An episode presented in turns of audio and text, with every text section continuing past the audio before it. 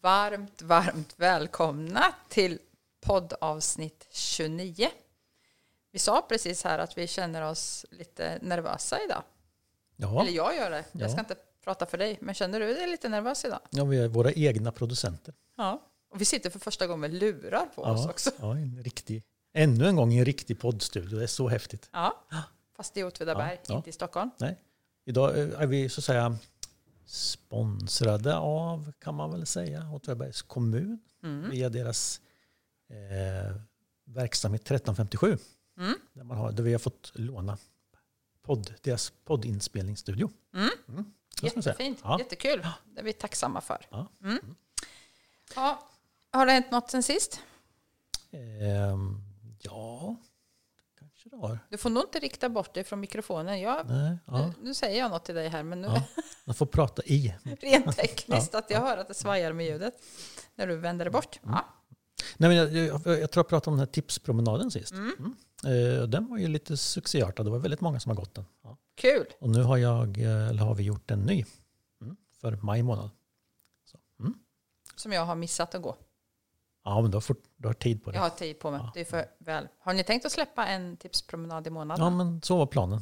Mm. Så är planen. Så är planen. Mm. Kul! Och du, du då? Har du, Eh, och du har ju hållit på med din bok. Just det, ja det gör jag ju. Eh, Min bok som heter Huset vid Kyrkgränd. Som jag kommer att släppa så fort, nej, inte så fort det går att ha bokrelease, för det ska jag väl inte säga, men jag vill ha bokrelease. Så planen nu är ju faktiskt ett datum, det känns ju lite läskigt att säga det, 28 augusti. Ah. Och det är en roman, men eh, är till viss del baserad på verkliga händelser. Mm, det ska bli väldigt spännande. Ja, vi kan väl återkomma till den. Ja, men precis. Mm. Ja. Jaha. Du, eh, jag funderade här på, har du, eh, har du koll på hur det går för Degerfors i, i fotbollsallsvenskan? Eh, nej, jag vet att de är i Allsvenskan, men jag vet inte hur det går. Nej, men det går väl, går väl ganska bra tror jag. Ja, Mm, det är ju det är hyfsat- fantastiskt att de är där. Ja, precis. Och anledningen till att jag frågar är ju att idag ska vi prata om fotboll. Ja. Vi ska prata OFF. Mm. Eh, och då tycker jag att det här är en bra ingång. Eh, och då kan, ju då kan man ju fråga sig varför. Eh, jo, därför pratar man OFF så måste man titta lite, tycker jag i alla fall, titta lite på, på från ovan, ska man säga. Och då, då tänker jag, de här svenska bruks och industriortslagen, de, de poppar med jämna mellanrum upp i högsta serien, allsvenskan. Eh, och det här är ett fenomen som har väldigt mycket att göra med tradition. Eh, jag menar, det finns ju städer och orter som har bättre förutsättningar. Exempelvis Linköping kanske. Som då, eh, men, men här i Åtvidaberg och på andra bruks och industriorter finns det en kultur som går väldigt långt tillbaka vad det gäller fotboll. Och som gjort att de här lagen blir framgångsrika, precis som OFF har, har varit. Mm. Jag vet att du tycker om fotboll Camilla, men hur mycket fantast är du egentligen? ja, då behöver man ju nästan definiera vad det är att vara fantast. Ja, det är klart. Men Eh, eh, jag går gärna, när, vi när man kan gå på matcherna, Ja. så går jag gärna och tittar på hemmamatcherna. ja, Men jag är inte så mycket fantast att jag följer med dem på bortamatcherna. Nej. Men när det väl gäller så skulle jag gärna kunna tänka mig att göra det. Jag tycker att det är väldigt roligt med fotbollen. Ja. Jag tycker att det är härlig stämning på Kopparvallen. Och, eh, ja, men det, jag tycker det är mysigt. Och jag tycker också faktiskt, om jag inte är på matchen, så tycker jag att det är härligt att märka tillströmningen av publik och höra, för man hör ju ofta Ja. hem eh, jubel. Mm. Eh, man kan höra resultat, att de eh, högtalarljud liksom, från Kopparvallen. Det tycker jag är jättehärligt. ja. Det ingår i Åtvidaberg tycker jag. ja, ja, det gör det Så, faktiskt. ja, så Ja. lite småfantast. Ja, ja, men då tycker jag det låter så. Mm. Ja, ja. Jag tänkte innan vi fördjupar oss i OFF så måste man ändå prata lite om fotbollens framväxt. Mm. Eh, Det fanns ju en medeltida slags folkfotboll som vi inte ska gå in på nu. Eh, men- jag tänker den moderna fotbollen som, som du och jag tittar på, den skapades ju faktiskt i mitten av 1800-talet. Och när du säger folkfotboll, betyder det att man spelade lite... En by mot en Jaha. annan by i England och sen så eh, med mera våldsamma inslag än vad det är i fotboll idag. Man spelade med, med, med eh, ja, någon, form av fotboll så att säga. Mm. Och Så, här, så försökte man få den till den ena byn och den andra byalaget försökte få den till den andra byn. Och så Mhm. kunde det sluta i slagsmål och, Så själva fotbollen Lite mer man spela över till en annan by? Ja, lite grann så. Jaha. Men den moderna fotbollen den infördes ju på de engelska internatskolorna. Eh, och eh, tanken var ju då eh, att på de engelska internatskolorna där skulle man utbilda gentlemans. Och en gentleman, eh, han, han, han, han eh, eh, skulle ju vara eh, hård, han skulle vara modig, han skulle ha exemplarisk självbehärskning, han skulle vara ansvarsfull, ärlig och, och ha en känsla för fair play. Mm, Det var idealet för Det en var, gentleman. ja, men precis. Och fotboll sågs ju som ett utmärkt sätt att fostra just de här egenskaperna. Eh, England var man ju väldigt tidig med att införa proffssystemet redan 1885. Men en gentleman, han var amatör. Att spela för pengar det ansågs vara gement. Och amatörerna såg verkligen ner på de här professionella fotbollsspelarna. Och så, det är väldigt spännande med det här gentlemannaidealet. Då, eh, Bland annat så kom det till uttryck när, man, när det gäller straffsparken. Eh, straffsparken infördes 1891. Eh, och de här amatörlagen var emot den. Straffsparken alltså. Eh, För en gentleman kunde ju avsiktligt inte begå ett regelbrott. Det var ju liksom en absurd och orimlig tanke. Så, så när straffsparken ändå infördes Ja, just det, för man får en straffspark för att något... Ja, man gör en oschysthet inom straffområdet. Ja, men precis. Ja, Mm. Men när den ändå infördes eh, så valde amatörlagen att demonstrativt slå den bredvid målet. Nej. Alternativt så löst att målvakten bara kunde plocka upp den. Spännande det tycker jag. Det är lite den här gentlemannagrejen finns ju det här när, när en spelare ligger Mm. på plan idag och motståndarlaget slår ut bollen. Ja, alltså, ja. Eller man Ja, det själv är ju- gör det. det Men ju- ibland när man tycker att man något felaktigt har begått så kan man ju medvetet slå. Ja, men precis, det är ju en kvarleva utav, utav det här. Och den har ju liksom kommit på de senaste åren kan, kan jag tycka. Ja. Men det är lite snyggt. Men så småningom så övertog, eller den tävlingsinriktade fotbollen tog ju över. Men, här, men precis som vi sa, det här amatöridealet levde kvar väldigt länge. Särskilt i vissa länder, exempelvis Sverige. eh, Som då knappt har infört proffssystemet än, höll jag på att säga, men det har de ju förstås. Men det dröjde ju väldigt länge innan, innan man kunde liksom ha fotboll som ett yrke här i Sverige. Mm. Eh, Och fortfarande så kan man ju höra folk som, som frågar, som inte tycker att det är ett riktigt yrke heller. Så Och som proffs då menar man att man ska som fotbollsspelare kunna leva på sin fotboll. Ja, precis. Ja.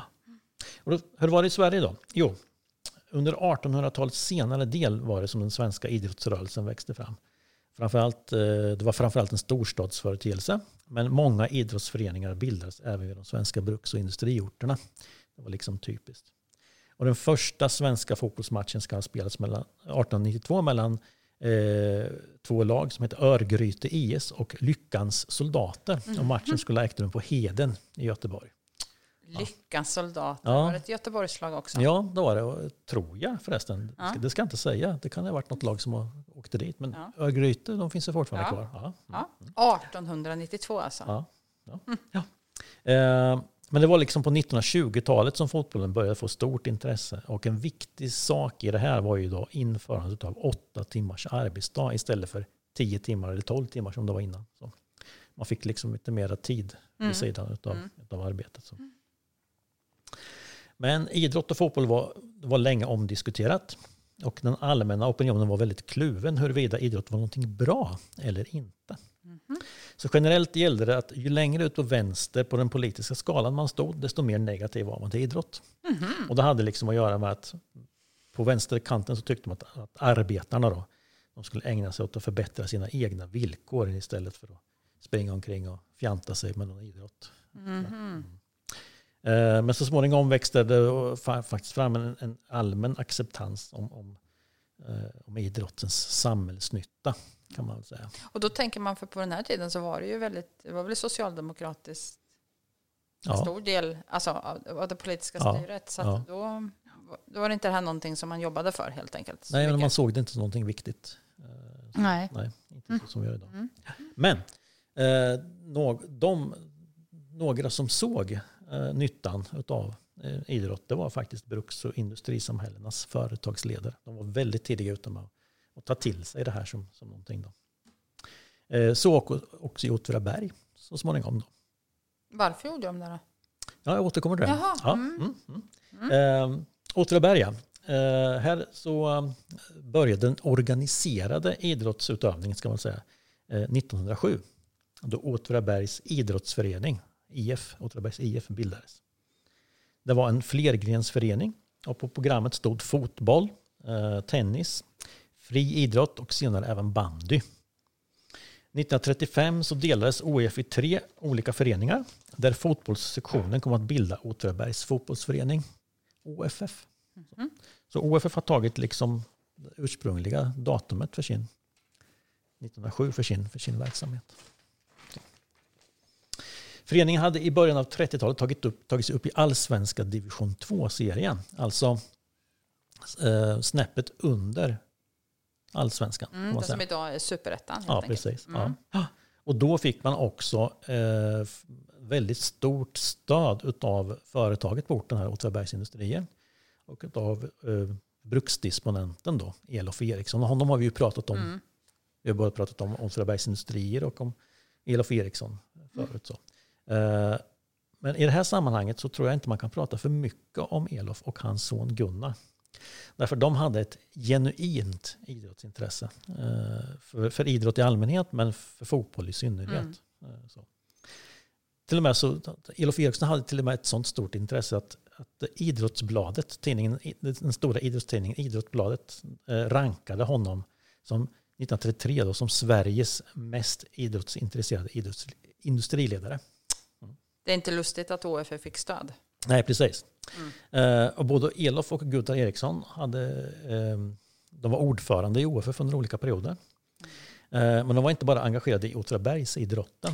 Fråga- även, Mm, förlåt, ja. mitt i meningen så bryter jag. Men det som jag blev nyfiken på är, vet vi om Elof själv spelade fotboll som yngre? eh, det är nog fullt möjligt. Han var ju en idrottande person Ja. tydligen när han kom till Åtvidaberg och hade gjort det i sin ungdom. Ja. Ja. Det finns ju till och med en anekdot om hur han, hur han eh, blir accepterad i Åtvidaberg genom att klå några av Åtvidabergs främsta löpare på 100 meter. Mhm. Alltså. Och då, liksom, då tog Åtvidabergarna honom till sig. Ah. Ja, I- Här måste man Om- prestera på ja precis. Om det stämmer. snabb. Ja, men Om det, det stämmer sen jättekul. vet jag inte. Nej. Ja, förlåt. Mitt Ja. i meningen avbröt jag dig. Jo, men de var, de var liksom engagerade inte bara i, i, i Åtvidaberg utan, utan Elof Eriksson satt ju som, som ordförande i Svenska fotbollsförbundet Mm. mellan 1937 och 1948. Han blev ju liksom fotbollsgeneralen med hela Mm. Sverige och var den som enade ett splittrat fotbollsförbund eh, vid den tidpunkten. Då. Och Gunnar Eriksson han blev ju från 1965 eh, ledamot i internationella olympiska kommittén. Det är ett Mm. synnerligen hedervärt Mhm. uppdrag. Ja. Men du pratade om, om eh, du frågade vad, de, vad det var med fotbollen som de tog Mm. till sig. Så att Mm. säga. Jo, Mm, Ja, men varför Ja. man ville liksom Satsa på det. uppmuntra ja, det. men precis. Jo, men de hade liksom en stor tilltro till det här. Och, och, um, särskilt fotboll som ett medel att på ett positivt sätt kunna påverka individen och samhället och, inte, och, och industrin. Då. Eh, idrott såg som ett medel för att åstadkomma bättre hälsa. Det är ju inte så okontroversiellt Nej, idag. Nej. nej. Idrott såg som ett medel att stärka den lokala gemenskapen. Mm. Skapa en slags, um, vad ska jag kalla för, eh, 1900-talets bruksanda. Mm. En stark sammanhållning över klassgränserna. Mm. Och, så. Mm. Eh, och man såg också fot, eller, ja, fotboll och, eller idrott som ett, som ett medel för att ge reklam och goodwill åt både samhälle och företag. Mm. Så sammantaget gjorde det att man, man satsade ganska mycket på det här. Mm. Och du, var inne på det i andra punkten, sammanhållning i orten, men jag tänker också just att det är väldigt teambildande för de som spelar fotboll. Ja, precis. Men kan man ju, då kan man inte låta bli att fundera på de här som inte var en del av det här. De, Nej. nej. Nej, precis. Men grejen var, jag vet att Gunnar Eriksson nämner i en tidningsartikel från 1965, eller sen tror jag det eh, och sen att vi vill inte bara skapa laganda på fotbollsplanen, Nej. vi vill skapa laganda i, på fabriksgolvet Mm. och i samhället. Mm, han, mm, man, man ser det som någonting, att man försöker att skapa ett allmänintresse tack vare det, här. Då. Så. Och man lyckades bra ska man väl säga. Eh, OFFs första storhetsperiod inträffade på 1940-talet. Eh, under ledningen av en rad namnkunniga ungerska eng, tränare. En, Ungerska? ungerska tränare. Mm. Mm. Ja, Och, eh, då tror jag jag vet en av dem Ja, faktiskt. och en engelsman så småningom sen. Mm. Ehm, Så blev de alltså väldigt framgångsrika. Mm. Eh, 1944-45, alltså man spelade höst-vår på den tiden. Eh, så spelade laget eh, allsven man vann sin division 2-serie och spelade allsvenskt kval emot eh, Djurgården. Där man då tyvärr förlorade då. Säsongen efter, 1944-46, kom laget tvåa. Nej, 45-46 45-46, mm. förlåt. Ja, just det. Kom laget tvåa i serien och gick till final i Svenska Kuppen. Mm. Där det blev förlust mot ett väldigt stjärnspäckat Malmö FF. Det var ju liksom Malmö FFs stora period det här. Mm. De var ju, de var ju överlägsna i allsvenskan då. Efter ytterligare då två... Också. vad sa du? Då också. Då också. Mm, precis. Mm. Efter ytterligare två andra platser så kom då äntligen fullträffen 1951. OFF lyckades kvalificera sig för allsvenskan genom att spela oavgjort i en gastkramad och direkt avgörande match hemma mot Sandvikens IF. Mm. Och du Camilla, du har ju pratat med någon som, som minns det som där. Som minns det här, ja. precis. Eh, jag ska ta ett steg lite tillbaka, för en av dem som i princip var med från allra första början, du sa ju här att 1907 så började man mm. spela mm. ja. fotboll. Ja. Då var det en del av OIF ja. och sen, senare så blev det OFF. Men om vi, vi ändå pratar OFF då. Eh, så en av de som i princip var med från början i OFFs historia var en man som hette Erik Björkman. Mm, Han kom med i A-laget redan 1913. Och eh, i början spelade man så vitt jag har förstått också inte seriespel, utan man spelade Nej. enbart vänskapsspel. Ja. Ja. Eh, och han spelade fram till 1926 och därefter så var han ju fortsatt aktiv inom fotbollen ända in på 1950-talet. Han var tränare och lagledare och styrelseledamot. Och det kan man väl säga rent generellt att det upptäcker man ju med många andra som man har tittat på att man fortsätter ju även mm. efter att man har spelat så fortsätter man ju på olika sätt vara engagerad. Ofta som tränare eller sitter i styrelse ja, och så. Ja. Och Erik Björkman han hade hans söner eh, Sven och Göte, de spelade också fotboll. Mm. Först då naturligtvis som så många andra på egen hand. Alltså man spelade fotboll på fritiden sådär. Som de flesta, framförallt pojkar tror jag, på den här tiden. Och senare så spelade de ju också i OFF. Och sen barnsben så spelade Göte kvartersfotboll. Och jag känner att jag vill ta upp det här för jag tyckte det här var lite roligt. Det här mm. var någonting nytt för mig också. Han spelade kvartersfotboll där lag från olika delar i Åtvidaberg gjorde upp om att möta varann. Mm. Eh, så man bestämde liksom träff ja, och så skulle man mötas. Och Götes lag, det var ju så roligt för att det, det var Göstas hål. Jaha. Där kom det tillbaka okay. som en liten boomerang. ja, ja, ja, Han spelade bland annat, och i det här laget, Göstashål, mm, mm. eh, som det kallades, både laget och plats, framförallt platsen där man spelade tror jag. För det var ju nämligen bakom Göstas park. Och mer som jag har förstått eh, förbi liksom Entittevägen, Smultronvägen mot Lingonvägen, det finns ju som en, en, en pulkabacke mm. där idag och som en gräsplätt. Så jag kan tänka mig att det var typ där. Eh, och där spelade även några andra personer som vi har gjort bekantskap med i podden. Okay, ja. När vi har pratat affärer, ja, ja. nämligen Bernt och Lennart Sandström. Jaha, spelade med Göte i det här laget. Och Bernt kommer jag ihåg, han var väldigt entusiastisk på läktaren. Ja, såklart. Ja, och det var han som sen hade Sandströms, ja, mm. så hette det cykel och sport, vill jag säga nu. Ja, det hette så. Ja. Mm. Och ytterligare en person som kan berätta om den här kvartersfotbollen som, som då förekom i Åtvidaberg är en man som heter Gösta Pix Kindstrand. Mm. Det kanske är bekant namn. Ja, och i ett blad här som jag har fått låna som heter ÅFF-aren, ett medlemsblad för Åtvidabergs FF. Och det här numret kom ut i december 1979. Så skriver Pixan här då ett litet reportage. Och han kallar det för Pixans hörna. Så det kan, kan hända att det här var något han gjorde flera gånger. Men han hade blivit ombedd att skriva. Så jag tänkte jag skulle läsa lite vad han, vad han berättar här då. Han skriver, själv började jag som alla andra sparka boll i skolåldern. Vi höll till på olika platser vid Kråksången, skolgården där vaktmästare Schultz kom och körde bort oss varje gång. Vi glömde det för en stund, men nästa dag så var vi där igen. Vi hade även en liten plan på cirka 15 gånger 10 meter i närheten av mitt hem på Douglasvägen. Så småningom bildades bollklubben Douglas av några äldre grabbar och där fick man vara med någon gång, men inte som ordinarie. Vi spelade och tränade, om man nu kan kalla det träning, på Göstas hål. Där fanns också en liten plan området fanns bakom nuvarande Göstas park och Basthagen. Vid träning och matcher bestod förfriskningarna av rabarber och de som var lyckligt lottade hade äpplen där vi andra var glada om vi fick fnaset. Alltså kärnhuset på äpplet. Det var ju fint att de fick mumsa på det då.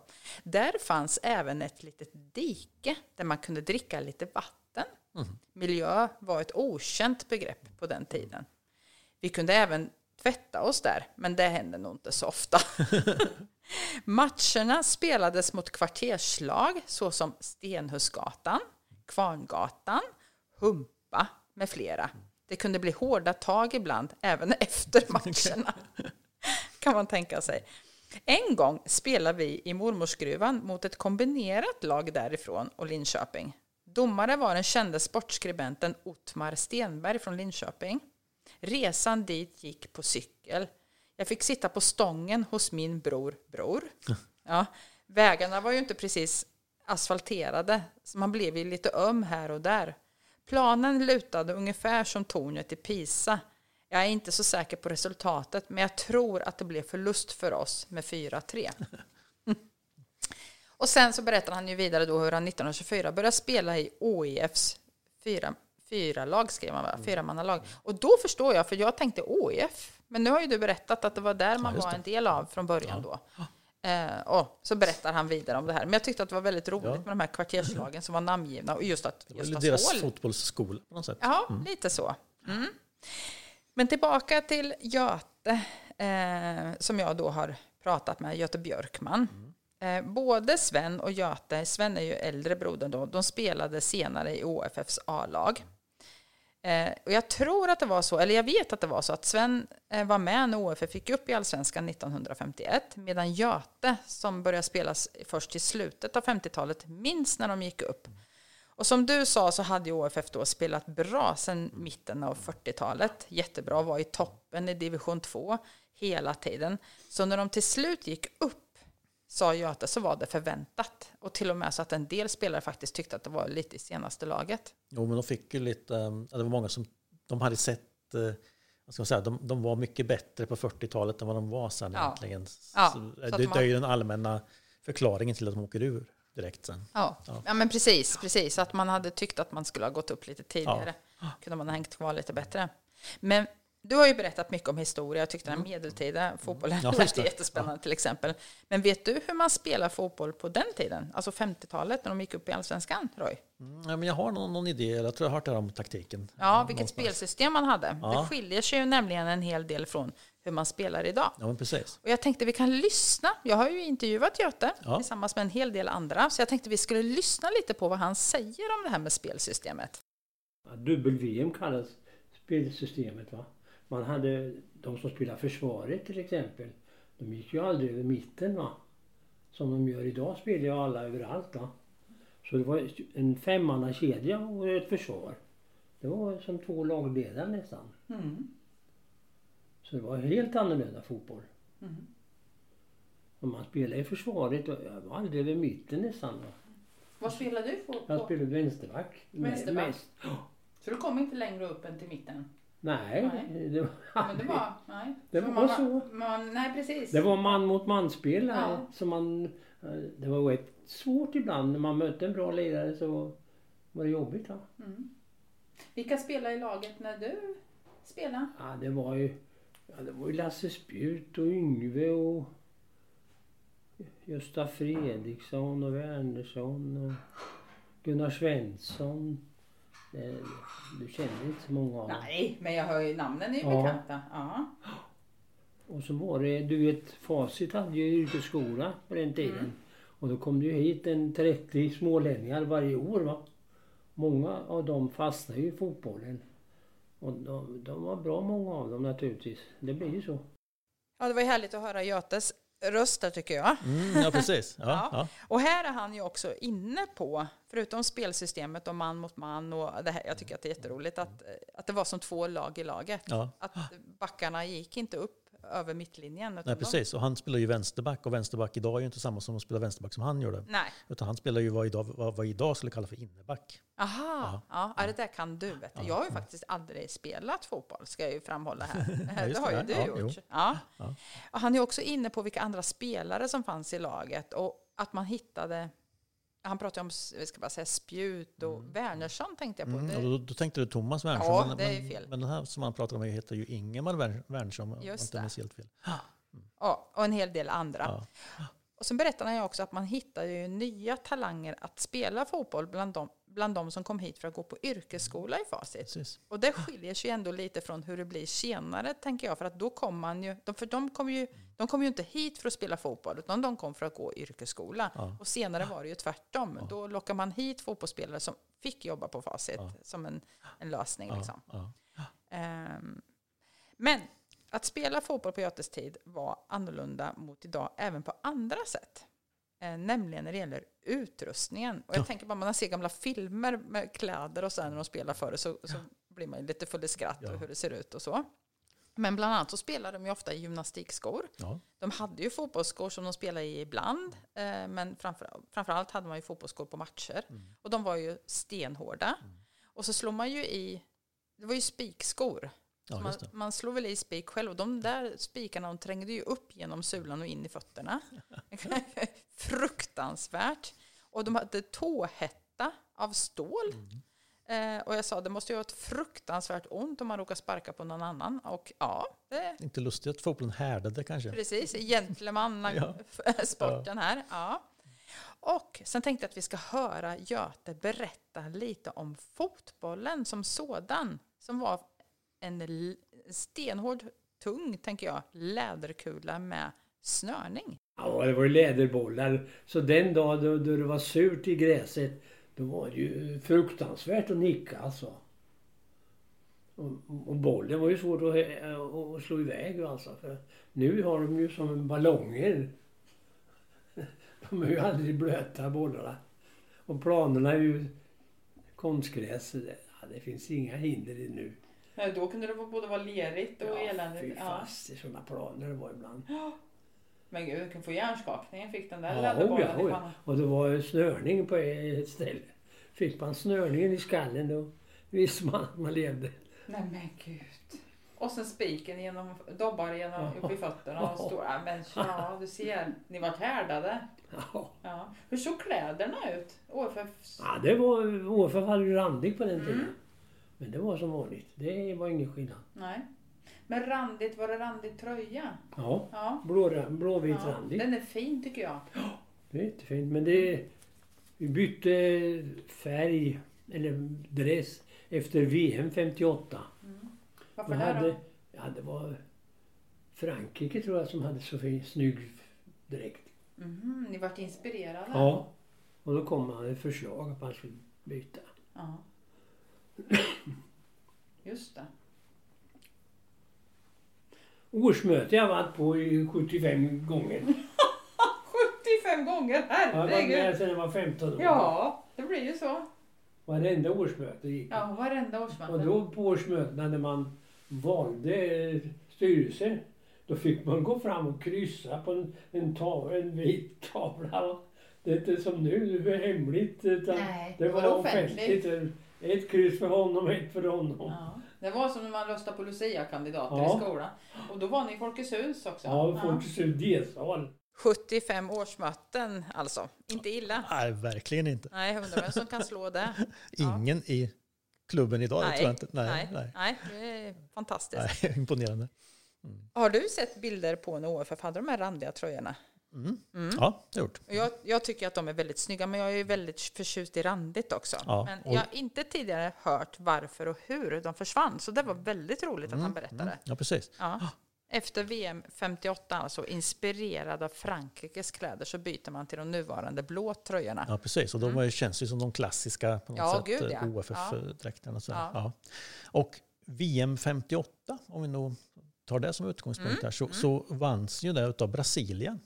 Eh, spelas i Sverige. Brasilien vann och Sverige kom tvåa. Mm. Eh, Och pratar man om Åtvidaberg och fotboll så måste man också faktiskt prata om Brasilien.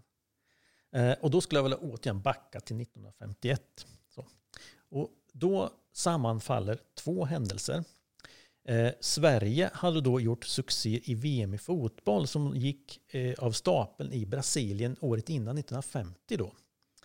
Och Sverige har gjort ett jättebra intryck och tagit en bronsmedalj.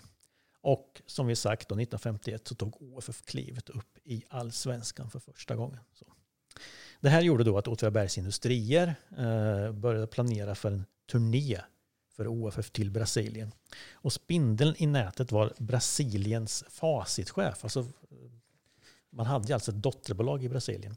Och den här mannen hette Gunnar Göransson, eller Gunnar Ojoj Göransson som han också kallades för. För att han sa oj oj hela tiden? Alltså han kommenterade eh, fotbolls-VM 1950. Aha, Ja, mm. och han sa oj oj oj. Ja, han var så otroligt imponerad av brassarnas sätt att spela fotboll. Ja. Alltså, han sa, oj, oj, oj, oj, oj. oj. Så, alltså, därför fick han heta. Oj oj. Ja, ja, ja.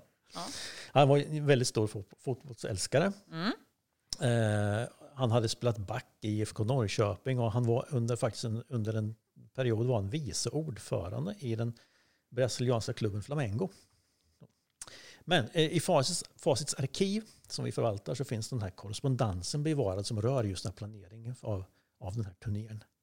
Eh, och, och planerna lades upp av eh, eh Facitchefen Gunnar Eriksson och Facits Brasilienchef då Gunnar Göransson. Och tanken var då att ett förstärkt OFF skulle spela sex matcher under namnet Facit FC. Alltså Facit Football Club. Eh, och bland annat skulle man då möta det namnkunniga laget Fluminense. Och Gunnar Göransson menar att, att företaget Åtvidaberg Facit kunde dra väldigt stora PR-mässiga fördelar i det här fotbollstokiga Brasilien. Eh, och där kunde man därför att ingen annan representant för ko- kontorsmaskinbranschen hade ett eget fotbollslag. Vilket något som för övrigt har gjort Addo, Addos representant grön av avundsjuka påpekar han. Ja, Vad var Addon igen? Addo tillverkar också eh, eh, Kontorsmaskiner? Ja, ja. Mm. Alltså, och, och grejen var att Sydamerika var ju vid den här tidpunkten eh, en av Åtvidabergs Industriers nya viktigare marknader. Och Brasilien ansågs där som var nyckeln till att kunna ja, kom- komma in på Sydamerikamarknaden. Då. Eh, en turné menade, menade Oj Göransson skulle vara en strålande propaganda för Facit-organisationen och en fantastisk upplevelse för OF-spelarna. Vilken win-win grej här Ja, alltså. men precis. Ja. Och man, man hade gått långt i planerna. Eh, allting var i närmaste klappat och klart när chockbeskedet kom. Mhm. Mm. Eftersom OFF då hade gått så dåligt i på den allsvenska höstsäsongen, man spelade alltså höst, vår, Mm. Mm. Så fick laget inte sank- sanktion av Svenska fotbollsförbundet. De fick helt enkelt inte åka iväg och representera svensk fotboll i Brasilien. Mhm. Vad Så- tråkigt. Ja, det tyckte nog alla inblandade i det här Ja. eh, förstås. Eh, Så. Laget höll helt enkelt inte tillräckligt hög klass tyckte fotbollsförbundet. I det här. Eh, istället så ordnades en turné till... Men alltså, det här är ju konstigt. Alltså, om, om det nu var Oj Oj som hade ordnat det här via Facit, kunde Svenska fotbollsförbundet sätta sig till motvärn att de åker dit och spelar? Ja, de hade synpunkter på det. Man måste kunna representera vad svensk fotboll på ett bra sätt. Och det tyckte de väl inte det att, förstår jag. Men, att, ja. att OFF kunde göra vid den här tidpunkten. Nej. Nej. Så. Ja. Men ist- istället då så fick um, OFF åka på en turné till Paris, Luxemburg och Bryssel. Inte fy skam det heller. Nej. verkligen inte. Eh, och som jag sa förut då, så fick OFF, OFF respass bara, efter bara en enda säsong i Allsvenskan. Så. Eh, Och vad de, menar du med fick respass? Alltså de åkte ur Allsvenskan. Ja. Är det här fotbollsprat? Det kan vara ett Ja. fotbollsterminologi där. Det kände jag nog att det faktiskt var. De åkte ur allsvenskan efter en säsong. Ja, ja, Respass. Ja. Mm, ja, det kanske. Det kanske är mm. jo. Ja. Eh, Men man, man hävdade sig fortfarande bra då i division 2. Eh, Mm. Men i slutet på 50-talet eh, så gick det sämre och 59 så åkte man ner i division 3. Och då ska vi bara påminna om att det är inte division 3 som idag fortfarande, Nej. utan det är egentligen, Det är samma nivå, ett. som, ja, samma nivå som OFF spelar på idag. ja. Ja, idag spelar man division 1. Då, på den tiden hette det division 3. Mm. Ja. Eh, Men OFF studsade tillbaka omgående. Mm. Eh, Så 1961 var de tillbaka i division 2. Mm. Och tillbaka i klubben var också Bengt Julle Gustafsson. Just det. Eh, han, efter spel i det italienska laget Atalanta. Julle hade redan 1955 skrivit på för OFF och spelat några matcher, men så fick han proffserbjudande som han och flyttade till Italien. Men Julle i all ära. Årets nyförvärv 1961 det var Blomstermålas talangfulle tekniker Roger Magnusson. Ja, Roger Magnusson och honom har jag ju också pratat med. Kul. Han, ja, väldigt roligt. Han har ju av flera framhållits som en av OFFs absolut bästa spelare genom tiderna. Eh, om inte den bästa till och med. Han debuterade ju i Blomstermålas A-lag, division 4, när han var 14 år gammal. Så han var tidigt ute. Han gjorde väldigt bra ifrån sig och fick fin kritik i Kalmartidningen. Eh, och våren 1961 så tar ju då OFF, som då ligger som du sa i division 2, kontakt med Roger Magnusson. Eh, och han hade, även andra klubbar hade varit i kontakt med honom just för att det här man skrev honom, om honom i Kalmartidningen, hur duktig han var. Bland annat Djurgården och Norrköping hade också liksom försökt att få eh, skriva kontrakt med honom då, om man nu skrev kontrakt, men värvat honom i alla fall. Men då berättar Roger att hans far tyckte att det var bättre att Roger, som bara då var 16 år gammal, flyttade till Åtvidaberg än till storstaden. Det kändes tryggare att han skulle bo här. Och med facit som arbetsgivare, sa Roger, så visste ju alla att folk här hade det bra. Och alla spelare i laget när Roger kom som 16 år gammal var ju äldre och till och med mycket äldre. Och han sa att han spelade med Garvis Blomqvist och Lasse Spjut och Julle Gustafsson och en legendar som gjorde sin sista säsong, nämligen Lennart Pettersson. Just. Han hade spelat 15 år i Åtvidabergs A-lag då och han, han var lika gammal som min mamma, sa Roger. Det vill säga 19 år äldre. Och han beskrev hur han tog som hand av allihopa och att han fick så stort stöd. Eh, och sen året efter, 1962, så värvades också en annan person, nämligen Veine Wallinder. Också en, en eh, person som, ja, Han var med länge. Som var med länge. Och spelade väldigt duktig. bra. Ja. Och de spelade dessutom väldigt bra ihop. Och Roger spelade i OFF i fem år, fram till 1966. För då eh, började nämligen en annan resa för honom. Jag tänkte vi ska höra Roger berätta lite om den resan. Och sen då eh, så spelade jag alltså fem år i Åtvidaberg till 66. Då jag blev proffs. Och jag köptes av Juventus. Ja, det är ju helt Och fantastiskt. sen så, eh, jag var importstopp då så jag fick inte spela i Italien. Så jag blev utlånad till Köln. FC Köln i Bundesliga. Och då var jag faktiskt den första svensk som spelade i Bundesliga. Det är många som har spelat där eh, efter mig. Men jag var faktiskt den första svensk som spelade. Ja, Ni- 1966. häftigt. Ja. Hur länge var du kvar där då? Var det ett år du var i, i Köln? Ja, ett Ja. år ja. Mm. Sen var jag tillbaka i, i, i Turin och fick spela Europacupen för Juventus. Och då hade jag, eh, jag avgjorde där både kvartsfinal och åttondelsfinal. Vi vann med av, jag, jag gjorde målen i båda matcherna. Det var, jag hade flyt och jag var ju ingen speciell målskytt, jag var mer framspelare. Mhm. Men eh, då förny- fick jag nytt kontrakt då av Juventus då. Och då var det många klubbar som hade sett mig i TV då med Juventus. Och då hade jag tur och då kom jag till Olympique Marseille i Frankrike som var, var en storklubb. Som hade haft svenskar på 50-talet som, som hade spelat då. Och eh, det hade jag eh, ett otroligt flyt måste jag säga. Jag var där sex år och vi vann ligan två gånger och cupen två gånger. Vilka spelare spelar du med då Roger? I Juventus och i Marseille? spelade ju med i, i stort sett halva franska landslaget. Och sen var det en jugoslav, Josip Skobla, som var fantastisk. Han var ju, han blev faktiskt Europas skyttekung 1971. När vi tog ligan. Och vi gick väldigt bra ihop han och jag. Och eh, det var ju, eh, alltså laget var på uppgång när jag kom dit. Så det, det är ju tur man har haft, måste jag säga. Jag måste ju säga att det här var ju helt fantastiskt. Att, att, att, bara att prata med Roger. Och det ska jag säga innan jag glömmer att säga det. Jag ringde ju naturligtvis upp honom. Så han är ju med via telefon. Om man tycker att det låter lite burkigt så får man ha överseende med det. Men det är det som går att göra i, i dessa tider. Och han bor ju dessutom i Kristianstad så det var ju en liten bit att åka om jag skulle ha åkt. Men eh, så jätteroligt att prata med honom och vilken karriär. Juventus, Bundesliga, Marseille.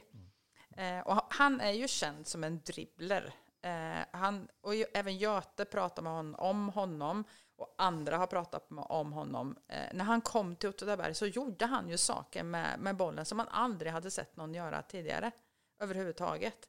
Eh, och han var ju ofta inbjuden också till olika evenemang för att komma och jonglera och så här, så han var ju otroligt duktig. Och han är ju inte känd som den store målgöraren, vilket man kan tänka, tro liksom man hör, utan Nej. han är ju framspelaren. Och sen bodde jag i Villahagen tre år. Så jag bodde inneboende hela tiden. Jag hade aldrig någon egen lägenhet. Nej. Så, så var det. Ja, så var det på den tiden. Så, så bodde man ju. Och det var Men jag måste tryggt. säga att Åtvidaberg ligger med varmt om hjärtat va, det måste jag säga. Jag, jag har all, alltid känt mig som Åtvidabergare på något vis. Ja, vad härligt. Jag tänkte också... Särskilt när de är här nere och spelar Ja. i Skåne. Där, då, är- då ställer man ju upp och, och stöttar dem. Och vilken heja, vilket lag hejar du på när, de, när OFF kommer till Skåne då? Ja, då hejar jag på hundraprocentigt på OFF. Ja, härligt, det är underbart. Så vi gjorde en stor intervju i Kristianstadsbladet då, eh, 2018, men de låg båda lagen och höll på att åka ur. Va? Då sa jag det till bladet då, det är klart jag vill att eh, KFC, som de heter här, håller sig kvar, men eh, hjärtat har jag i Åtvidaberg. Och det, det skrev de ju kom. Ja. Vi pratar lite om Åtvidaberg och liksom hur, hur samhället med facit och saker som hände. Ja. Jo, jag brukar, jag kom 61 då, och då var det var Facits alltså eh, storhetstid. De byggde stallet 63 och så byggde de sporthallen och eh, simhallen 64. Så jag bodde i Åtvid under den verkliga storhetstiden. Då var det ingen som pratade om arbetslöshet. Nej. Det är, det, är, det är sorgligt att det blir, men det är så överallt. Men det, det går inte att jämföra hur det var på 60-talet och som det är Åtvidaberg nu. Det, det är lite trist, det måste jag säga. Ja. Men Jobbar det är bra, det är bra att, de, att, eh, att OFF betyder mycket för Åtvidabergarna. Vi får hoppas nu att, att- de hänger kvar nu när de gick upp. Mm. Jobbar du på facit, Roger? Ja visst gjorde jag det. Jag, när jag kom till Åtvidaberg så gick jag på en, en kontorsskola på Ljungstedtska ett år. Och sen jobbade jag då, jag jobbade på affärsbokföringen då. Och sen gjorde jag lumpen 65-66. Och sen flyttade jag till utlandet. Sen var jag ju i proffs i tio år.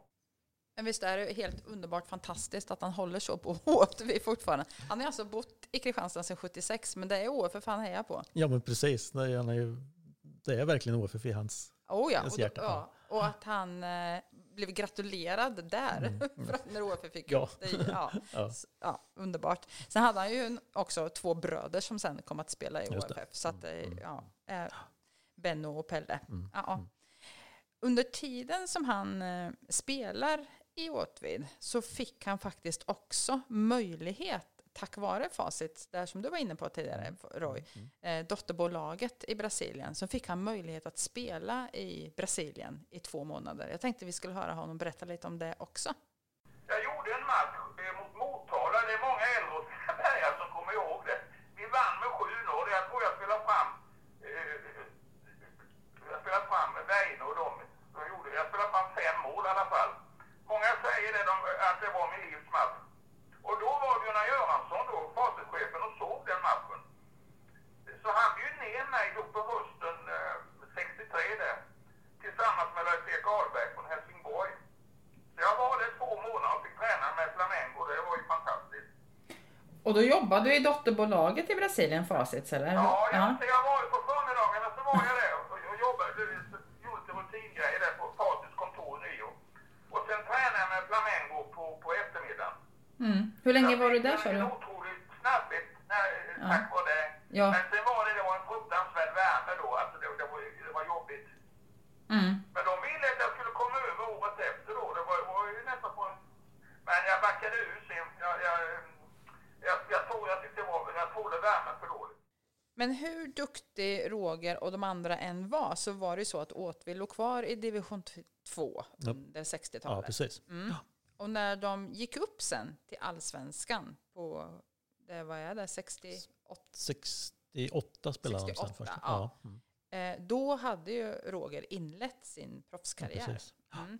Lite snöpligt tycker han ju själv att det var att han inte fick vara med under storhetstiden. Det kan, man för, det kan man ju förstå. Det kan Ja, man förstå. ja. Även som han säger att det är många som tror att han var med och spelade Mm. då. Eh, med Kent Karlsson, Uffe Blomberg, Alf Edström, Roland Sandberg, Conny Torstensson och alla de Mm. här, Knalin Andersson. Eh, och att han var med och tog guld. Eh, men som sagt, han säger att det var lite synd att han inte fick vara med. Eh, tack vare att han hade blivit proffs. Men man kan ju inte få allt. Utan det var istället, som vi nämnde tidigare, hans bror Benno som fick vara med under storhetstiden.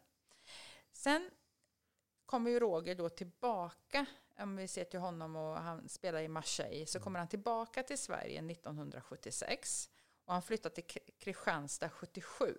Jag sa 76 förut tror jag, men 77. Och där bor han ju alltså kvar än Ja, idag. Och jag, vi pratade ju en stund om allt möjligt och trevligt, väldigt trevligt att prata med honom. Och jag frågade också vad han eh, trodde om OFFs framtid. Man kan ja, tänka man sig att de måste ska... vara realist. Alltså det är svårt här. Alltså, små platser nu. Alltså, men här kommer de upp i Superettan skulle det vara fantastiskt.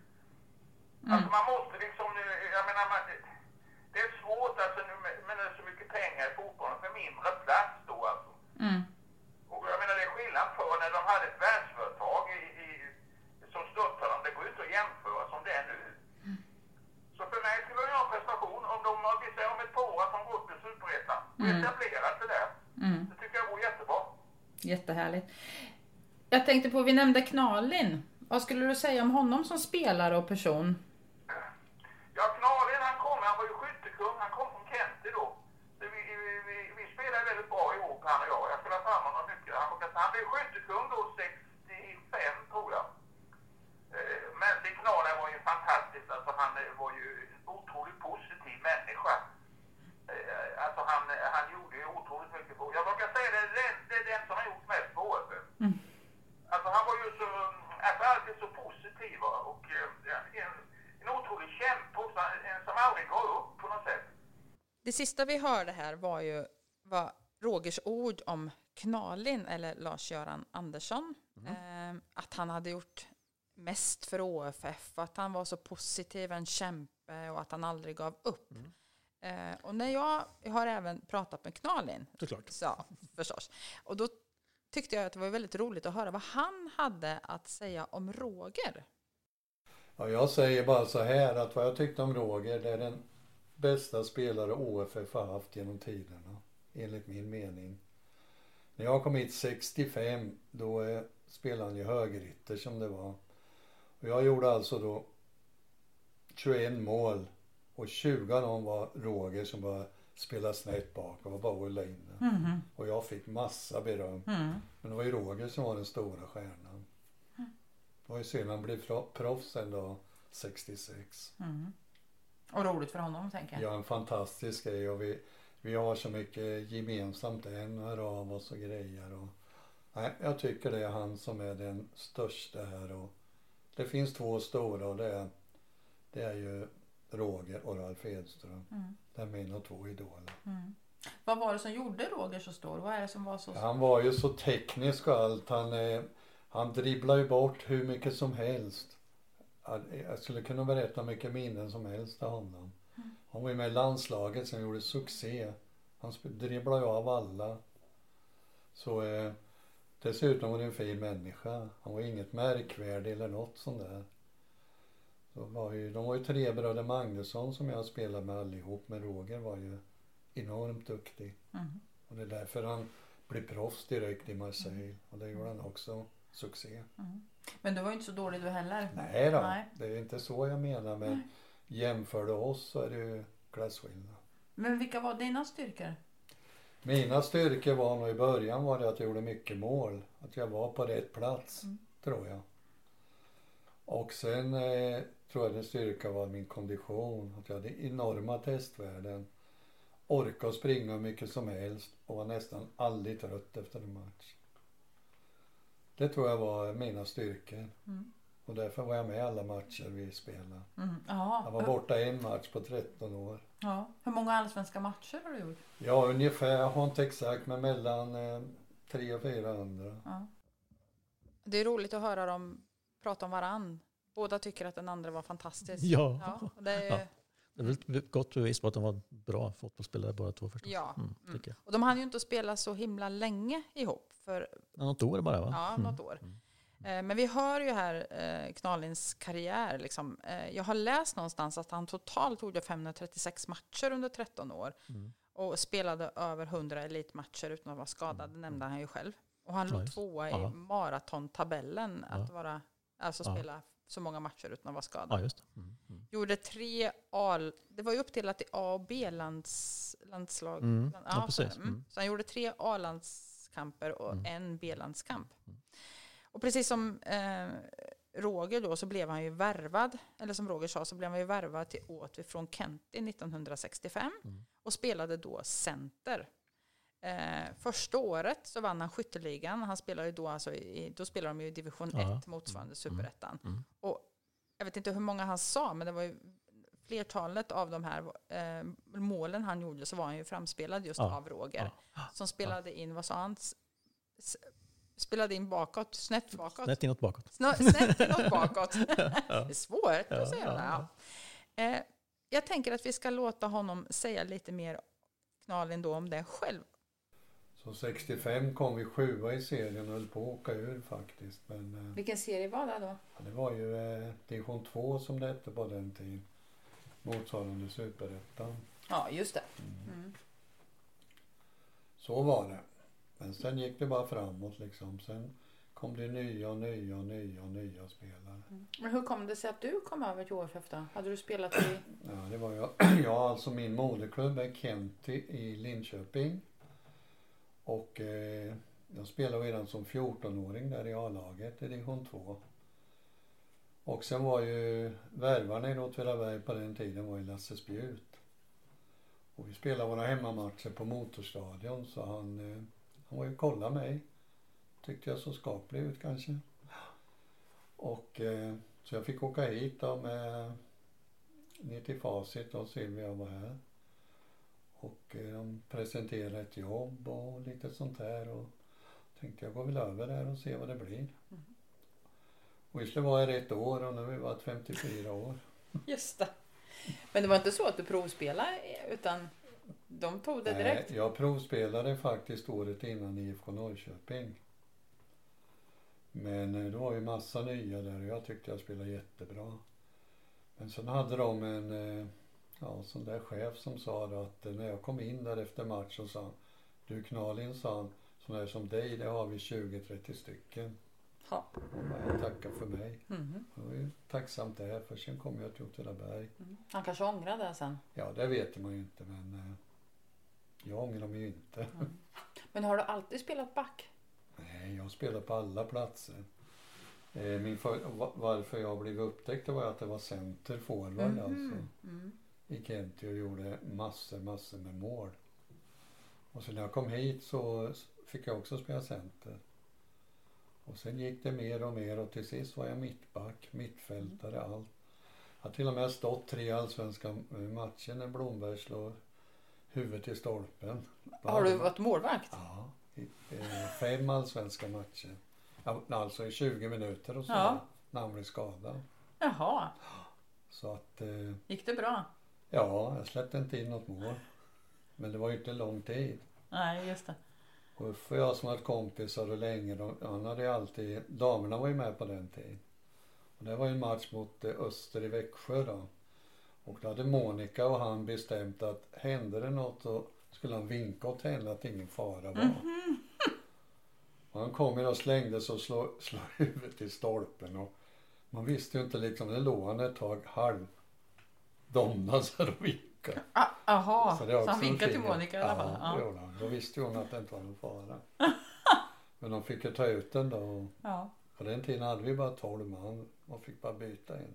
ja, ni fick byta en, för innan det så var det så att man inte bytte någon. Ja, men det var långt före min tid. Ja. När jag började fick man byta och ha en reserv med sig. Ja, Fick man välja om man skulle målvakt eller mm. utespelare. ja just det. Ja. Mm. Men 65 kom du till Åtvidaberg. Och då, då spelade de, vad sa du nu, då spelade de inte i Allsvenskan? Nej. Nej. När gick ni upp till Allsvenskan? 1900, vi vann serien 67 och spelade första året 68. Mm. Och det är också en rolig episod om eh, vi var ju underdogs då och kom upp där. Ja, först då var jag jätteglad att vi kom dit. Och första matchen då hade vi Öster borta. Som också var nykomling. Och vi var ju där nere då. På den tiden var ju Lennart Hyland reporter där och kom. Och jag måste säga att eh, Öster var ju bättre än oss. Vi förlorade med 3-1. Men vi tyckte ändå vi var skapliga. Och så i radion gick han ut och sa att det, OFF i det här fallet var det sämsta allsvenska lag han någonsin har sett. Mm.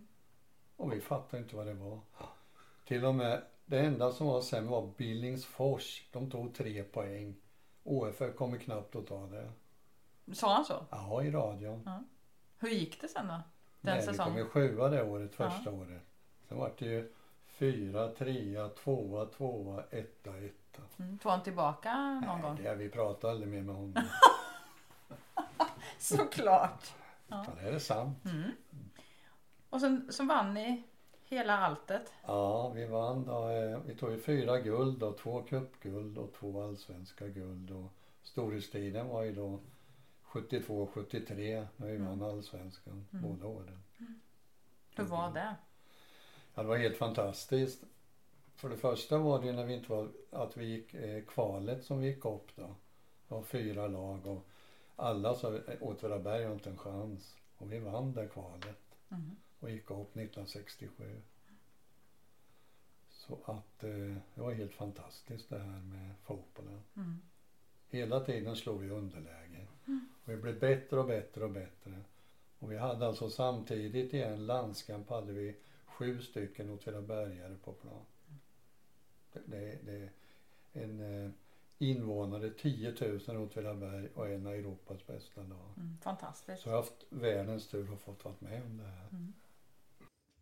Ja, där hörde vi ju Knalin själv berätta om de otroliga framgångarna som, föl som följde sen.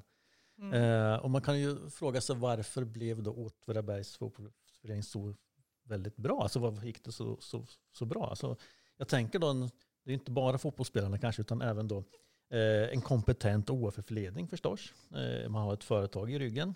Eh, bra, skickliga tränare och som en förmåga att värva unga, lovande spelare som passar in i klubben. Eh, så. Eh, Och det, det tänkte jag bara, för att när jag pratade med Göte så sa han ju att på hans tid så var det mycket sådär att man värvade eller tog spelare som var lite i slutet av sin karriär. mm, mm. Lite äldre och som liksom slutade sin karriär här. Mm. Med, Medan här kommer ju någonting helt nytt. Och det, det är ju någon som är väldigt duktig på det här. Jag tror det är Spjut. Som Ja, han är hette ju Lasse Spjut. Ja, Lasse han spelade själv och sen Ja, var han ansvarig för värvningarna. Och att han Ja. blev lite, ja, och att Ja, man då satsar just på att hitta och ut och tittar efter Mm, unga mm. talangfulla. Mm. Och, och är det någonting som OFF har varit framgångsrika på så är det ju att hitta spelare utifrån. Värva spelare på olika sätt. De Mm. har ju inte fostrat så många egna produkter. Måste man väl säga. Det, det finns ju undantag förstås då. Men, men för att summera då vad Knalin säger så 68 så slutade det första året man, gick, man spelade allsvenskan. Eh, då så var man sjua. Eh, ett av nyförvärven som hette Ove Eklund, anfallare, han blev allsvensk skyttekung det året. Han gjorde 17 mål. 1969 blev det en fjärde plats och eh, man drog mycket publik. Publiksnittet låg på nästan 6 500 personer Här hemma. här hemma. du? Mm. Mm. Eh, året därpå togs eh, en andra plats i allsvenskan. Eh, och, eh, efter Malmö FF då, som, som då var bra. Eh, men eh, OFF vann, som, som Knalin sa, Svenska cupen efter finalvinst mot Sandvikens IF. Det blev även en kort, ett kort besök i cupvinnarcupen. Då, då, då, då, ja, det här europeiska cupen som, som, som man fick spela i. Då. Eh, men där åkte man ut direkt i kvalomgången tyvärr. Eh, 1971 så blev det ännu en andra plats bakom Malmö FF i Allsvenskan. Men man besegrade Malmö FF i finalen i Svenska cupen. Så där hade man två cupguld. Mm. Ny tränare var Sven-Agne Larsson. Eh, Så. Eh, Och eh, Roland Sandberg blev allsvenskans skyttekung det året med 17 fullträffar. Och i cupvinnarcupen så gick eh, OFF till kvartsfinal genom att mirakulöst nog slå ut det engelska storlaget Chelsea FC.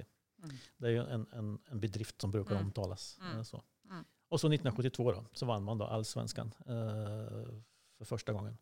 Eh, och är än idag då det enda utav så kallade bruksortslagen Mm. eh, som då har blivit svenska mästare i fotboll. Så. Eh, och det är lite, Jaha, så Degerfors har aldrig blivit svenska Degerfors har aldrig blivit svenska mästare. Nej. Inte, Till exempel, jag, det Nej. var de jag kom på. Ja, ja precis. Ja. Eh, man spelade också, eh, man fick liksom otroligt mycket beröm för man spelade en, off, en offensiv, väldigt publikfriande fotboll. Man gjorde hela 65 mål. Alltså det var det största antalet gjorda mål som något allsvenskt lag hade gjort på 12 år. Det är ju helt Ja, galet. mm. Så det, man, Det var kul att gå och titta. ja, men så, så, så, så var det ju. Ja. Ja. sådär. Roland Sandberg och Ralf Edström eh, delade på titeln eh, allsvenskans skyttekung med 16 fullträffar vardera. 72. Ja. Mm. Och, och OFF var så bra eh, så att förbundskaptenen för svenska landslaget, då, Georg, Ge- Georg inte George, Nej, Georg. Ove- Eriksson, Ja. ansåg då att praktiskt taget varenda spelare i OFF var landslagsmässiga. Eh, man spelade kvartsfinal i eh, cupvinnarcupen mot, mot eh, FC Dynamo Berlin. Som man då förlorade. Eh, och 1973 så ersattes Sven Agne Larsson som tränare av en ungrare som heter Otto Dombos. Eh, och det gick fortfarande bra. Eh, först i allsvenskans 20 omgång kunde man besegra HFF. Alltså man, och, och 20 omgångar av 26 tror jag. Eh, och det räckte då förstås till nytt, till nytt SM-guld. Radarparet Edström-Sandberg gick mitt under säsongen till proffskarriärer ute i Europa. Men man lyckades ersätta, ersätta dem då. Mm. Och i Europacupen då ställdes OFF i första omgången mot det stjärnspäckade FC Bayern München. Efter förlust 1-3 borta, men seger 3-1 hemma så föll laget efter ett mäktigt straffdrama på Kopparvallen. Ja. Och matcherna mot Bayern München var 73. 73. 73. Mm. Och jag tänkte att vi skulle höra återigen vad Knalin har att säga om det mötet, eller de mötena, och inte minst när det tyska laget kommer till Åtvidaberg. Och de kom här till Lilla Åtvidaberg och, eh, och de eh, låg ju på stallet varenda som fanns här. Mm. De fattade inte var de var här ens en gång ifrån. Kom ifrån München då. De bodde ju där och sen dagen efter skulle de ju träna här och eh, de visste inte att de satt ju en buss ifrån stallet och åkte här mot Kopparvallen. Sen kom ju bussen där och släppte av dem. Nej, nej, vi vill, inte, vi vill spela på matcharenan, inte på träningsarenan. Och det var inte klokt och de har aldrig sett en sån grej. Och samtidigt det omklädningsrummet vi hade, det gick in sju i taget i stort sett. Kära Så det var också en upplevelse, de Ja. trodde inte det var sant. Nej. Och så gjorde vi en världsmatch mot dem faktiskt. Det är inte arenan som gör det. Nej, Nej. precis. Mm. Jag menar på deras eh, stadion där nere, där, när vi kom då, det var ju omklädningsrum som inte var denna värld. Och när vi kom hängde det overaller, träningskläder, bad, allt det här. Sen hade de varsitt stort badkar man kunde ha själv och greja i. Så man trodde inte det var sant. där. Vi undrade vad det var där och, och bara spela på Olympiastadion. Det var en upplevelse. Mm. Och vi förlorade första matchen med 3-1 då. Men sen vann vi hemma med 3 Så vart det de här berömda straffarna. Jaha, på vilket sätt är de berömda då? Jo, det är ju så att eh, när vi kom här, alla, alla trodde de, de kommer inte ha en chans här mot Bayern München. Och när det blir då oavgjort 3-1, 3-1. Då eh, Ja. slår man om straffar. Då slår man fem straffar var. Missar vi ju då eh, fjärde straffen och de gjorde mål så var 4-4. Sen skulle jag ha slagit femte straffen. Men jag blev skadad i, i förlängningen. Så jag eh, var i omklädningsrummet. Och våran läkare, Bengt Linder, han, han brydde sig inte om mig. Han skulle bara se straffarna. Och i alla fall då, ingen visste ju hur det var. Vem ska slå femte straffen? Ingen sa ju något. Då sa en som heter Kaggen Franzén där, jag tar den. Men han gick in och missade den. Så de vann ju med, med ett mål. Och jag har aldrig sett ett lag vara så glada. Och spelat i en sån liten eh, arena. Och du vet, det var ju ja, över 10 000 på Kopparvallen. Och när det här var, de ville inte gå hem. Så, så mycket tyckte de att det, den här matchen var. Häftigt. var helt fantastisk. OFF var ju otroligt framgångsrikt. Det går ju nästan inte att föreställa sig. 10 000 på Kopparvallen på en läktare. Mm. Ja, visst. Och så Ja. massor med träbänkar. Ja. Var du där? Jag var där. Wow. Mm. Kommer Och du det- ihåg? Det enda jag kommer ihåg är att det var så himla mycket folk så jag såg knappt någonting. Nej, du var ju liten. Så. Ja, precis. Jag var ju bara åtta år ja. och eh, satt någonstans med min pappa på innerplan med de här tre, tre bänkarna, som var bänkrader som Ja. var ställt upp på, på Ja. banan. Tänkte, jag undrar vart alla, vart, ja, att de kunde få plats med så mycket folk. Ja. Ja. Idag har de aldrig fått tagit in så mycket. Nej, Sådär. just det. Ja. Men så härligt ändå. Vilket roligt minne Ja, att han precis. var, var där. Ja. Mm. Ja. Och vår gamla läkare Bengt Linder, han ville inte ta hand om Knalin när han var skadad i Men det är omklädningsrummet. klart, det var ju strafflängd. Ja, ja. Och Knalle han berättade också att på den här tiden så hade de ju två lag, både ett A och ett B-lag med- som var nästan lika starka. Eh, Så det var inte lätt för tränarna att ta ut vilka som skulle spela. Och som spelare så vågar man helst, eller vågade inte bli skadad tänkte jag säga, men man ville helst inte och, och försökte verkligen att, att bibehålla, för annars kunde ju någon komma och ta ens plats. Så många bra spelare fanns det, att det gällde att hålla på sin plats liksom. Och när A-laget tar guld i allsvenskan så vann B-laget guld i reservlagsserien. Så det säger ju lite. Och någonting som många Åtvidaberg fortfarande minns, alltså det här är ju någonting som många Åtvidaberg fortfarande minns och är oerhört stolta över naturligtvis. Eh, pratar mycket om än idag. Den lilla orten som blev ett av Europas bästa lag och en tid hade så många som sju spelare i landslaget tror jag de sa va? Mm, de säger nog, det är nog VM, under VM. Under VM, ja. 84 som man pratar ja. Okej, ja. Ja, här. Och säkert så är det ju så. Det vet vi att det är många åtvidabergare som drömmer om och kanske till och med förväntar sig att OFF ska ta sig tillbaka till samma position som under storforna dagar. Eh, då kan man ju fråga sig, hur känner nutida spelare inför den eh, tanken? Eh, är OFFs, OFFs historia någonting som man känner stolthet över och beundrar? Eller är det en belastning? Eller kan det vara både och? Eh, och de som bäst kan svara på den frågan är ju naturligtvis nutida spelare. Eh, och det kommer vi förhoppningsvis att återkomma till här. Ja, men precis. Ja, det är ju Ja. spännande. Dels har man ju traditionen, men, Ja. men, men man kanske inte alltid tycker det är så roligt att få den i ansiktet hela tiden när man själv tittar framåt. Nej, och liksom den här... Lite, allt, man är alltid jämförda med, med det här guldlaget från, från början Ja. på 70-talet. ja, Och vi, vi Åtvidabergare, vi tycker ju förstås att OFF är ett klassiskt allsvenskt lag Ja. tack vare det här. Men tittar man på det rent statistiskt sett eh, så är OFF ett lag för andra divisionen. mm, Och har alltid varit. Jag tror de ligger trea i, i den ehm, alltså maratontabellen för superettan division 2. mm. Så, så det är där egentligen som som Så- det är rimligt att vi skulle alltså kunna... man hör hemma rent statistiskt ja. och rent historiskt. Ska Ja. man säga. Ja. Ja. Mm. Så, egentligen, just så det här guldåren här, det är ju egentligen ett undantag. Ja. Aha, du menar rent statistiskt om vi ser tillbaka på vart vi faktiskt har legat. Men sen kan man ju också diskutera vad är rimligt. För det är ju någonting helt annat att spela fotboll idag. Det är ju helt ekono- andra ekonomiska förutsättningar som krävs och sådär. så det. Att det är ju också mycket så. Men jag har ju passat på att fråga och prata med dem jag har intervjuat Mm. från förr så att säga vad, vad de tycker. Och, och, ehm, och också vad de tror, liksom, hur, man, hur man kan känna inför det här. Om det är en belastning eller om det är en stolthet. Och de är nog överens allihopa om att det, det är väldigt mycket, mycket både och. Ja. Att också eh, kulturen som vi har ligger ju mycket, går tillbaka mycket i Ja, utan traditionen hade vi inte kommit att, eller vi ska säga, hade inte OFF kommit att, att vara kvar i toppen Nej. ändå. precis så. Från, nej, det tror Ja. jag inte. Nej. Och de framhåller ju också, som jag sa här då, att det är ett helt annat läge idag jämfört Ja, med då. precis. Att det krävs helt andra ekonomiska muskler för att klara av ett allsvenskt spel. Och idag finns det ju heller inget storföretag på orten som går in på det sätt som Facit då gjorde. Eh, och det handlar ju också mycket, en hel del om att kunna betala spelare idag. För på den tiden när Knalin med flera spelade så var det ju inte tal om att, att de fick en massa pengar.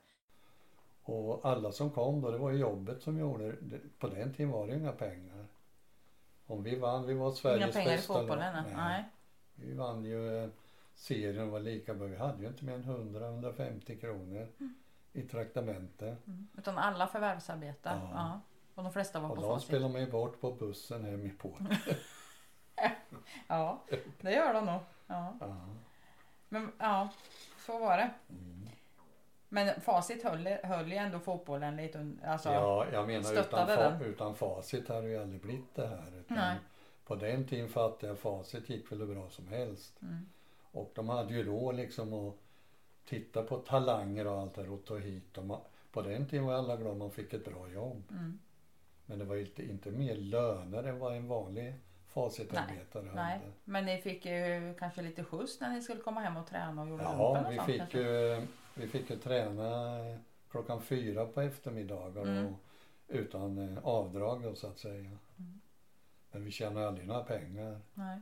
Men hur var det där när du gjorde lumpen, du och Roger? Ja, det var ju också så här då att eh, det var ju 1965.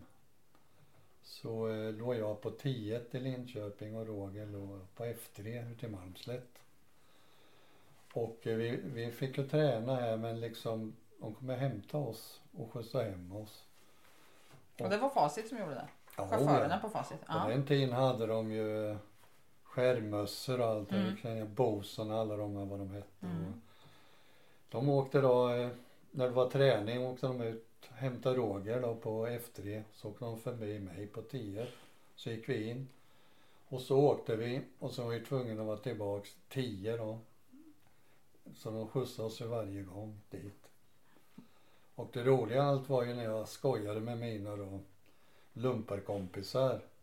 Skulle skoja med dem och sa att eh, det här är alltså kanon. Ni skulle gå ner här till grinden och titta när vi åker här alltså. Ja, ja, sa han. Gick ner en sju, åtta stycken. Och då har jag pratat med, jag vet inte om det var Bosa, men den chauffören som var. Mm. De skulle latcha upp ett lite här då. Så när vi kom där, Roger satt ju redan i bilen, så kom de ju till ingången där och då stod de där då och kom ju chauffören ut med sin skärmmössa, öppnade dörren så här och varsågod och så där och jättefin bil och allt det här då. Stod de och gapade? Så då skjutsade de oss då, ja, två gånger i veckan Ja, så länge vi låg inne i lumpen. fantastiskt. Så, så viktigt var det att ni kom hem och Ja, tränade? helt, ja, helt fantastiskt. Jag tänkte på, det berättar faktiskt även Göte Björkeman när jag pratade med honom, att Facit kom ju att hämta med chauffören när han också var, jag tror han var i Kvarn och Ja, gjorde lumpen. ja. Det var ju likadant på den tiden, att de blev upphämtade. Då kommer han inte ihåg att det var några uniformerade chaufförer, Nej, nej. men det var fina bilar. Och, Ja, så att de ja. kom hem på träningen helt enkelt. Så kunde företag, företaget också supporta. Ja, det är ett annat Ja. sätt. Ja. Vi går tillbaka till Knalin, tänker jag. Han ska få berätta om en av de största upplevelserna i hans fotbollsliv. Vi spelar ju på Aztekastadion då som tar 103 000. Och det kanske var 60 000 då. De sände matcher i ja, hur många länder som helst. Och eh, vi kom ju dit tack vare att Facit ordnade den här resan då. Det var han Ojo Göransson som var eh, ja, Facitchef tror jag i Brasilien.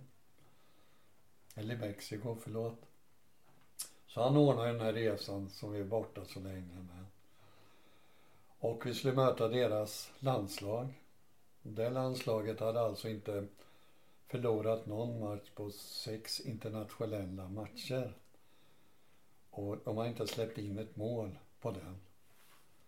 Och problemet med oss var ju att matchstart var klockan 12 på natten. Men då hade ni varit där ett tag hoppas jag. Du vet, det är ju så annorlunda luft där Ja. och allt det här. Så att när vi tränade där första gången, det var ju fullt med folk på träningen.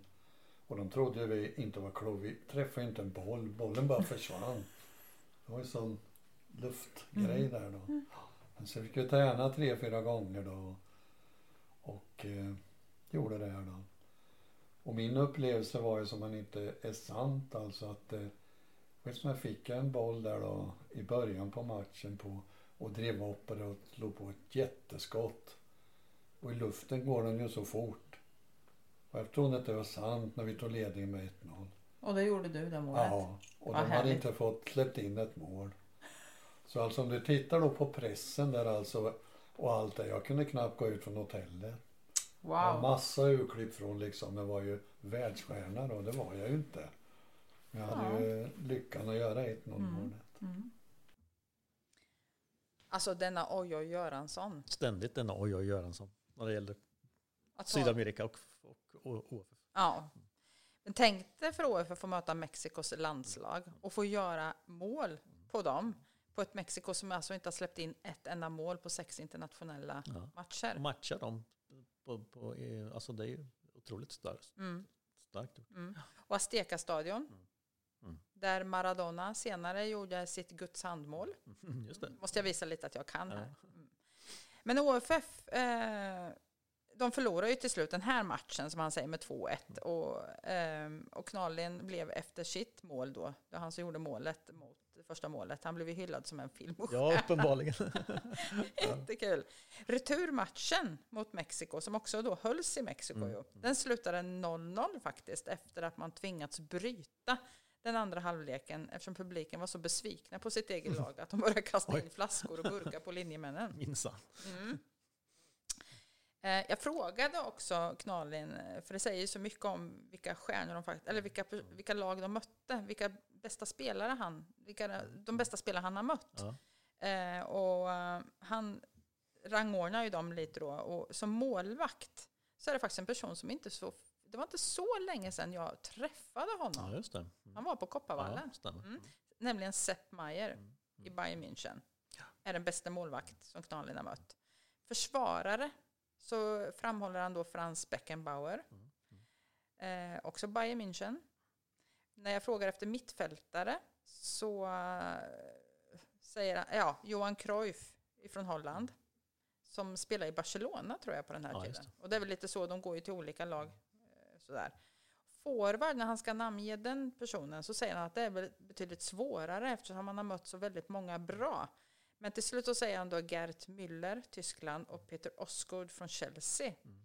Eh, Men han har ju även mött Pelé, tänker jag. Och han var väl ändå helt okej. Och det är också han Ojo Göransson. Han ordnade hit Brasiliens landslag som de hade träningslägret där istället för någon annan plats. Och i samband med träningslägret då så fick vi spela en match mot dem. Och då var det då, det var ju alltså också enormt. Det var ju Pelé som du säger, Garincha, Santos, ja, alla de här världsstjärnorna. Och eh, det märkliga med den matchen var ju att eh, de hade väl inte alla stjärnor från start. Utan vi, vi gjorde 1-0. Ingen trodde det var sant. Sen satte de in Garincha, Pelé, Vava, allt vad de hette. Det, det stora gardet. Ja. Om de ska kunna knäcka Så OFF. eh, det är lite skillnad. Men till sist när vi gick av plan så hade de vunnit med 8-1. Spännande Camilla. Mm. Mm. Mm. Eh, Men vi har ju liksom inte pratat klart om OFF här. Nej. Eh, Det går liksom inte att göra på ett avsnitt. Nej. Eh, Men vi avslutar här för idag tycker jag. Mm. Vi säger hej då. Eh, Och vi säger hej då med ett avslutande klipp som kan sägas vara början eh, till nästa avsnitt. En liten, en liten teaser. Ja, det är bra. Mm, ja. Mm. Eh, vi får alltså höra en nyrekryterad spelare eh, hälsar 1975 på sina nya lagkamrater och känner helt klart en viss oro att inte räcka till. Min första träning mot Åtvidaberg gjorde jag en lördag förmiddag. Det var, eh, vi klädde om nere i, i, i eh, vad heter det, borta vid stallet. Där. Så skulle vi springa lite och sen skulle vi spela lite fotboll inomhus. Och eh, då så tog Lasse Spjut mig i, i handen så här. Sen tog han mig så gick vi en fick jag hälsa på alla spelare.